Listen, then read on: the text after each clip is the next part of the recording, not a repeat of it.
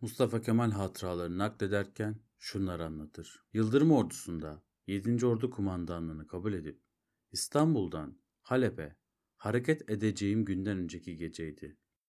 Falkenhayn karargahında bulunan bir Türk kurmay subayı, yanında genç bir Alman subayı olduğu halde Akaretler'de 76 numaradaki evime geldi.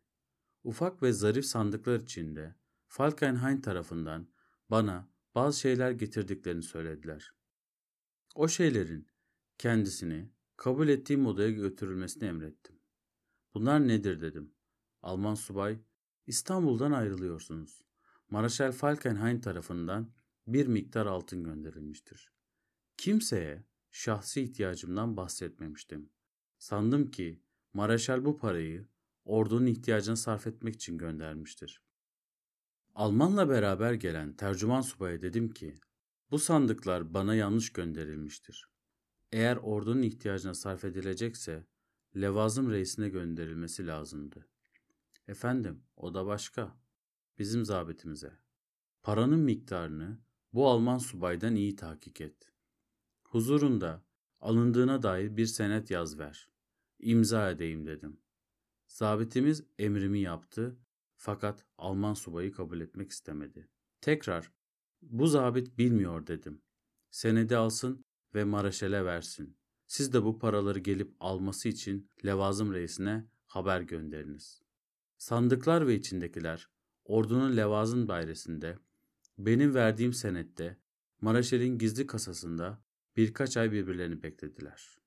Fakat 7. Ordu Kumandanlığından kendimi affettikten sonra yerime vekil olarak bıraktığım Ali Rıza Paşa'ya bu sandıkları teslim ettim ve senedi yaverlerim Cevat Abbas ve Salih Beylere aldırdım. Halep'teki yerli evinde İstanbul'a gidebilmek için nasıl bilet parası bulunacağı ve atlarına bir müşteri çıkmasını beklerken Mustafa Kemal'in şahsına hediye edilen bu altın sandıkların hikayesi insana onun 1905'te gene Suriye ve Şam'daki birliklerle Havran üzerine yapılan sindirme hareketinde karşılaştığı altın hikayesini hatırlatır bize. O hikayede şöyledir. Mustafa Kemal kurmay yüzbaşı olarak Şam'da sürgündür. Süvari olayında kendi bölüğünün de dahil olduğu askeri birlikler Havran'ı yürüyeceklerdir. Bazı karışıklıklar sırasında çalınmış malların geri alınması vesilesiyle bir baskın yapmaktadırlar. Mustafa Kemal yine sürgün arkadaşı Kurmay Yüzbaşı Müfit vazifeli oldukları halde bu harekete alınmazlar. Tümen ve ordu kumandanı rica ve müracaatlarını reddeder. Ama onlar kendileri istemediği halde harekete katılırlar. Kimse kendilerine bakmaz, iş vermez, aç ve yersiz kalırlar. Ancak hareketi düzenleyenler işlerini bilirler. Havran yağma edilir. Bu arada çok miktarda altın toplanır. Yeni çalınmış mallar geri alınırken gerçek Osmanlı mülkünün bir parçası olan Havran'da Osmanlı vatandaşları olan Havranlar da yağmaya uğrarlar.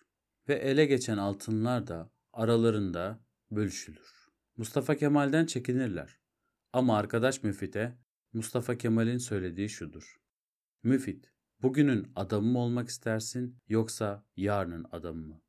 Müfit altınları reddeder. Mustafa Kemal de Alman Meraşali'nin gönderdiği altını reddederken kendi kendine sormuştur. Kemal, bugünün adamı mı olmak istersin yoksa yarının adamı mı?